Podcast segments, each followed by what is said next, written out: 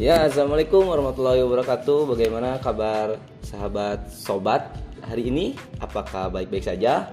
Mudah-mudahan senantiasa terus terjaga kesehatan kesehatannya. Nah, hari ini saya pembawa acara yang bernama Mulder akan mewawancara bukan mewawancara tuh ya lebih tepatnya tuh akan ngobrol lah ngobrol enjoy sama kalau saya sebut ini sosok yang di mana ini sangat fenomenal nih di kampus kami khususnya di jurusan komunikasi dan penyiaran Islam. Karena beliau adalah sosok yang sangat berwibawa. Dan juga beliau adalah mantan ketua himpunan komunikasi dan penyiaran Islam nih. Siapa lagi? Kalau bukan siapa Kang Salman Faris. Wih, Kang Salman Faris. Halo Kang, gimana kabarnya? Sehat? Alhamdulillah sehat sehat Kang. Ya. Amin. Semoga terus ya terjaga Kang ya kesehatannya Kang ya. Amin. Aktivitas Kang, aktivitas itu sekarang gimana aktivitas? Aktivitas sehari-hari tetap ulin. Oh, ulin ya, ya ulin ya. Lanjut Kang. Uh, cuman di akhir-akhir biasanya setelah ulin teh merapat dari merapat ke mana Kang? Merapat ke waktu nak sholat merapat ke tempat ya, sholat. waktu nak ulin ya merapat ke tempat ulin. Hmm. ayat panggilan gitu ya kang ya? Panggilan, ayat panggilan. panggilan gitu, alami. Panggilan alami ya. Benar benar benar. Nah terus e, dari main-main itu main main ke mana ya kang? Kan mungkin sobat oma tuh ingin tahu nih kalau ntar kan akang tuh main ke mana tiba-tiba sobat omat ketemu akang kan bisa nyapa nih kalau kalau boleh tahu mainnya ke mana ya kalau selama ini mah main paling uh, kayak misalkan nyari hiburan nih uh, refreshing ke caringin tilu hmm. misalkan sambil makan-makan yeah, yeah. kadang-kadang misalkan main ke teman-teman di kampus sambil ngopi di pinggir-pinggir kafe ya yeah. jadi main-main yang ini aja sih yang deket-deket aja hmm. sih nggak jauh-jauh gitu nah tuh sobat omat bila mana ntar kalian main ke Cartil terus ketemu Tum Salaman ya. Kan kita mau selalu manggilnya Tum Salaman ya karena beliau udah sosok ketua yang tadi saya ceritain tuh di awal. Nah kalau kalian ketemu bisa tuh saya hello atau tanya-tanya tentang ke seputar Kang KP itu apa? Bisa. Nah Kang Saman juga sekarang tuh lagi sibuk. Nah lagi sibuk apa ya? Saya juga bingung soalnya. Mari kita tanya aja. Nah Kang Saman sibuk apa nih Kang Saman eh, akhir-akhir ini kalau kegiatan sebetulnya ada kuliah ya hmm. kuliah terus kegiatan yang lain mungkin um, ya ngobrol diskusi dengan orang-orang ya dengan orang-orang sekitar apa kita datang ke tempat yang lain yang mengundang kita atau misalkan ada orang yang ingin datang ke tempat kita karena kebetulan nih saya itu tinggalnya sekarang itu di masjid. Hmm, di masjid ya Kang. Jadi kegiatan itu memang seringnya di masjid. Hmm. Nah, kegiatan apa tuh Kang di masjid Kang?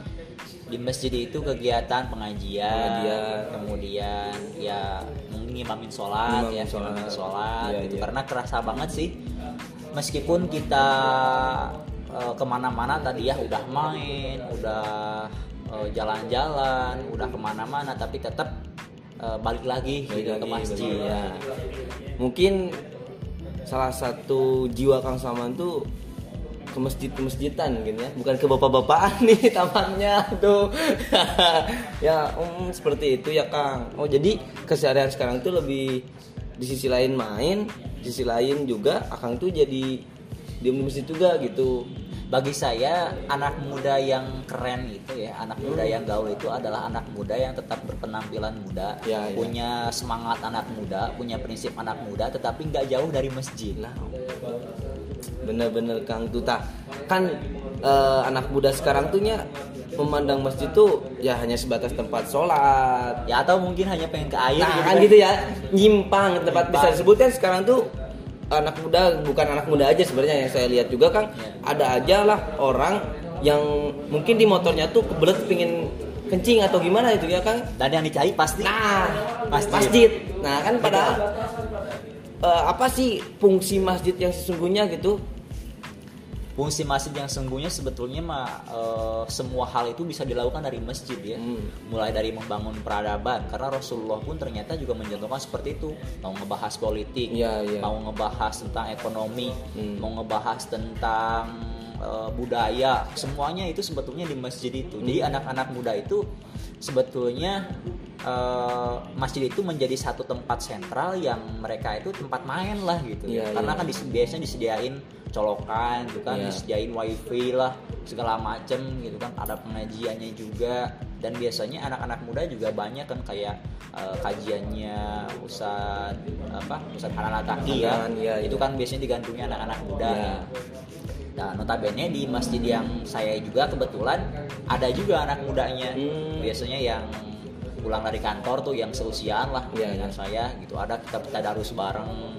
Iya. Habis itu botram bareng kan. Hmm. Terus nanti misalkan ada agenda jalan-jalan ke mana gitu Iya, ya. iya. Di samping kegiatan yang tetap produktif iya. sambil misalkan usaha, sambil misalkan kuliah. Jadi nyaman gitu. seru lah ya Seru udah mah gratis gitu kan ya. nah sahabat-sobat sobat omat berarti ya tuh bila mana yang mampir ke masjidnya Kang Salman bisa tuh dapat makanan gratis tapi jangan lupa kalian makan gratis itu maksudnya jangan karena ada bahasa gratis kalian datang ke masjid doang ya Kang ya? Ya. harus juga lah minimal atau ikut partisipasi jadi partisipan masjid tersebut ya Kang atau jadi nah untuk tadi kan menurut kata Kang Saman masjid itu bukannya sebuah tempat untuk sholat saja berarti ya? Ada yang kita itu karena ngukur sejarah tuh kan ya dari zaman Rasul juga masjid itu dari tempat sosial politik wah segala berarti ya aspek Segala. kehidupan berarti kamu bisa sebutkan ya Semua aspek kehidupan itu bisa dibahas di masjid. Hmm. Oh, nah baru saya baru, eh, baru saya jadinya ya baru tahu saya tuh bahwasannya masjid itu menjadi tempat yang sangat multi berarti ya. Multi, sangat strategis. Multifungsi. Oh, sangat strategis. Nah, letak strategisnya itu bagaimana, Kang? Pertama ketika Rasulullah hijrah itu kan ya, pertama ketika hijrah ke Madinah Ya. dari Mekah itu mem- apa, naik unta itu Rasulullah itu tidak berhenti di tempat-tempat eh, orang-orang Ansor yang menawarkan untuk berhenti. Hmm. Rasulullah itu kemudian eh, mengikuti untanya sampai untanya itu berhenti. Setelah untanya itu berhenti, kemudian di sanalah pertama kali dibangun masjid itu Masjid Kuba. Hmm. Setelah itu baru Rasulullah mencari pasar gitu kan, mencari pasar untuk ekonomi. Kemudian di sana juga dibahas tentang strategi dan lain sebagainya di masjid itu. Jadi anak-anak muda yang kita tetap gaul gitu kan, tetap kita main, ini menurut saya ya, tetap kita mau ke mana pun gitu ya dengan jiwanya, jiwa anak mudanya, tetapi nggak nggak jauh gitu, nggak jauh dari masjid. Ya mungkin bisa dibiasakan dari dari kecil gitu kan, anak-anak kecil sekarang itu senang main ke masjid karena halamannya luas, Luas, sambil iya. lari-lari, jangan dimarahin Iya. karena kalau mereka udah seneng gitu ya udah seneng main ke masjid ada wifi-nya misalkan buat anak muda ya nanti mereka itu akan enjoy Enjoy, enjoy sendiri ya, Kang ya. enjoy sendiri gitu. Dan mungkin akan tumbuh juga nih rasa oh ke, ke apa ya kepedulian terhadap masjid mungkin ya oh sangat sangat bisa diinikan akan tumbuh dengan sendirinya Oh. nanti. Nah, jadi sangat luar biasa nih Kang Salman ya. Di sisi lain beliau sibuk dengan kuliah, hal apa pun itu bentuk kesibukannya, tapi di sisi lain juga beliau suka menyempatkan waktu di masjid itu sendiri. Nah, kalau boleh tahu Kang, letak atau tempat Akang diam itu di mana ya?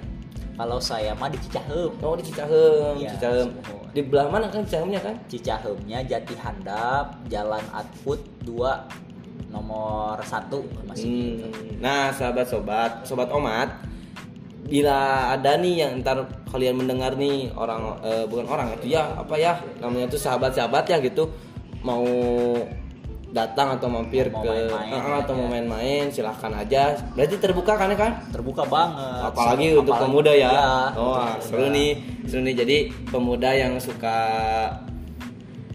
ter apa ya terpaut hatinya ke masjid itu nih Kang Salman juga bisa nih kayaknya untuk mewadahi hal-hal tersebut ya Kang. Iya. nah nah mungkin Kang ada beberapa lagi pertanyaan nih Kang ya ter pada Akang khususnya gitu. Bagaimana sih cara Akang meramaikan masjid itu di saat-saat seperti pandemi ini terutama untuk pemuda ya Hmm. seperti apa tuh Kang metode-metodenya Kalau saya mah biasanya teh kerjasama ya sama Hmm. misalkan ada komunitas, Iya. misalkan ada komunitas, misalkan ada komunitas pemuda Quran ini, Iya. atau ada komunitas peduli yatim misalkan. Nah terus kita kolaborasi nih, misalkan kita undang mereka untuk mengadakan eh, kegiatan pengajian di masjid tersebut, Iya. sehingga nanti isi-isinya adalah anak-anak muda yang notabene mereka kan biasanya nggak punya apa ya nggak punya tempat misalkan Hmm. gitu kan nah sehingga kita berkolaborasi nih gitu ya dengan anak-anak muda komunitas-komunitas sehingga nanti kita ada kegiatan di sana setelah itu kita misalkan eh, adakan kegiatan-kegiatan rutinan setiap minggu itu ada jadwal misalkan pada isya tadarus Iya. pada subuhnya misalkan tadarus juga Iya, iya. ada juga misalkan berjanjian, Berjanjian, nah, iya. misalkan ada yang lain lagi atau menarik mereka agar mereka apa sih yang mereka senengin gitu kan Hmm. di masjid itu gitu ya biasanya kan anak muda itu jiwanya jiwa eh, apa ya tidak ingin di, banyak diatur lah Iya, gitu. iya, ingin betul, betul. santai Betul, betul, gitu Kang. kan ingin enjoy Iya, iya, betul. tetapi tetap terarah gitu Hmm. jadi makanya kalau judul kita hari ini mungkin apa yang Gap- gaplek. mah gaple sih gaple gaple gitu. gapleh teh rada menarik gitu ya gapleh teh naon gaul tapi soleh Oh. ya mudah-mudahan Mudah-mudahan gitu lah, ya. kita kita termasuk orang-orang anak-anak muda yang gaul tapi amin. soleh. Amin kang. Amin. Nah mungkin kang untuk pertanyaan terakhir nih.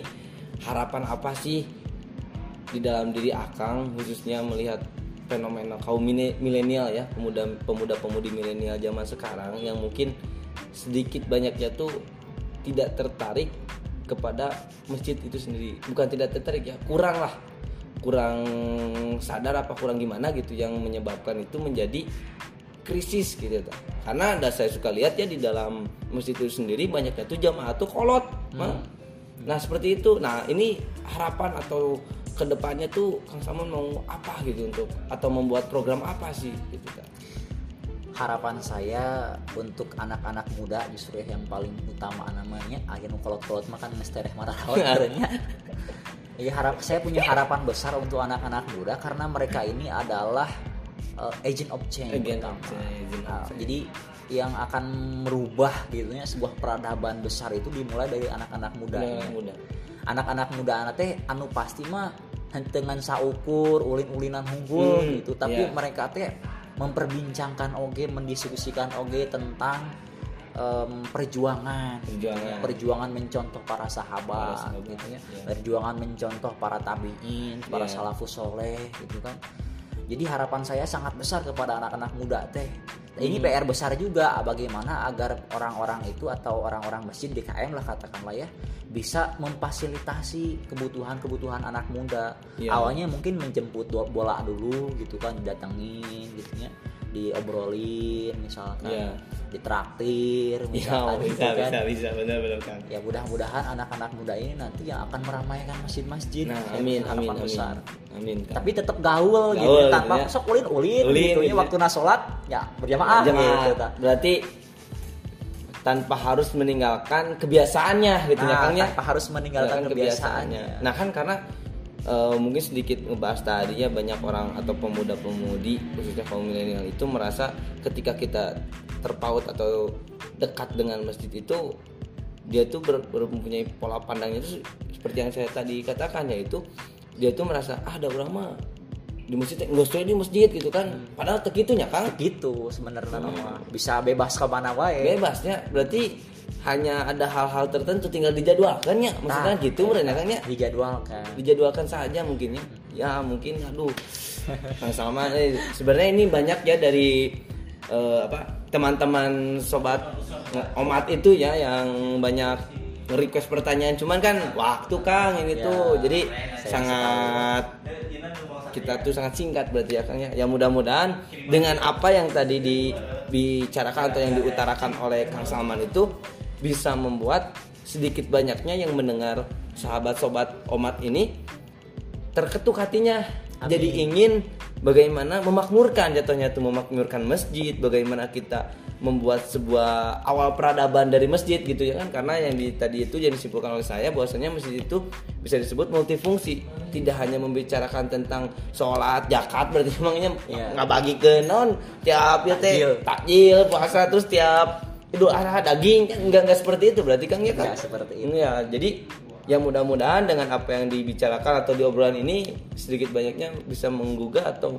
mengenyoh. Atau namanya mengenyoh menge- terenyuh gitu ya yang Menginspirasi. menginspirasi dan motivasi gitu untuk sahabat sobat omat ini tuh sendiri. Ya mungkin saya sendiri selaku selaku pembawa acara atau bukan pembawa acara ya MC atau apa ya ya in- intinya saya menemani Kang Salman lah hari ini ya Ajak ngobrol. ajak ngobrol lah kita di sini enjoy ya Mang ya enjoy Eh, sangat berterima kasih kepada Kang Salman sudah men- Sama-sama. meluangkan waktunya karena mungkin dari kesibukan-kesibukan Kang Salman sangat uh mantap sekali tampaknya eh amin mudah-mudahan Allah memberkahi Amin amin. Ya sahabat somat, sahabat sobat omat, mungkin dari sekian dari kami. Allah maafik, walaupun Wassalamualaikum warahmatullahi wabarakatuh.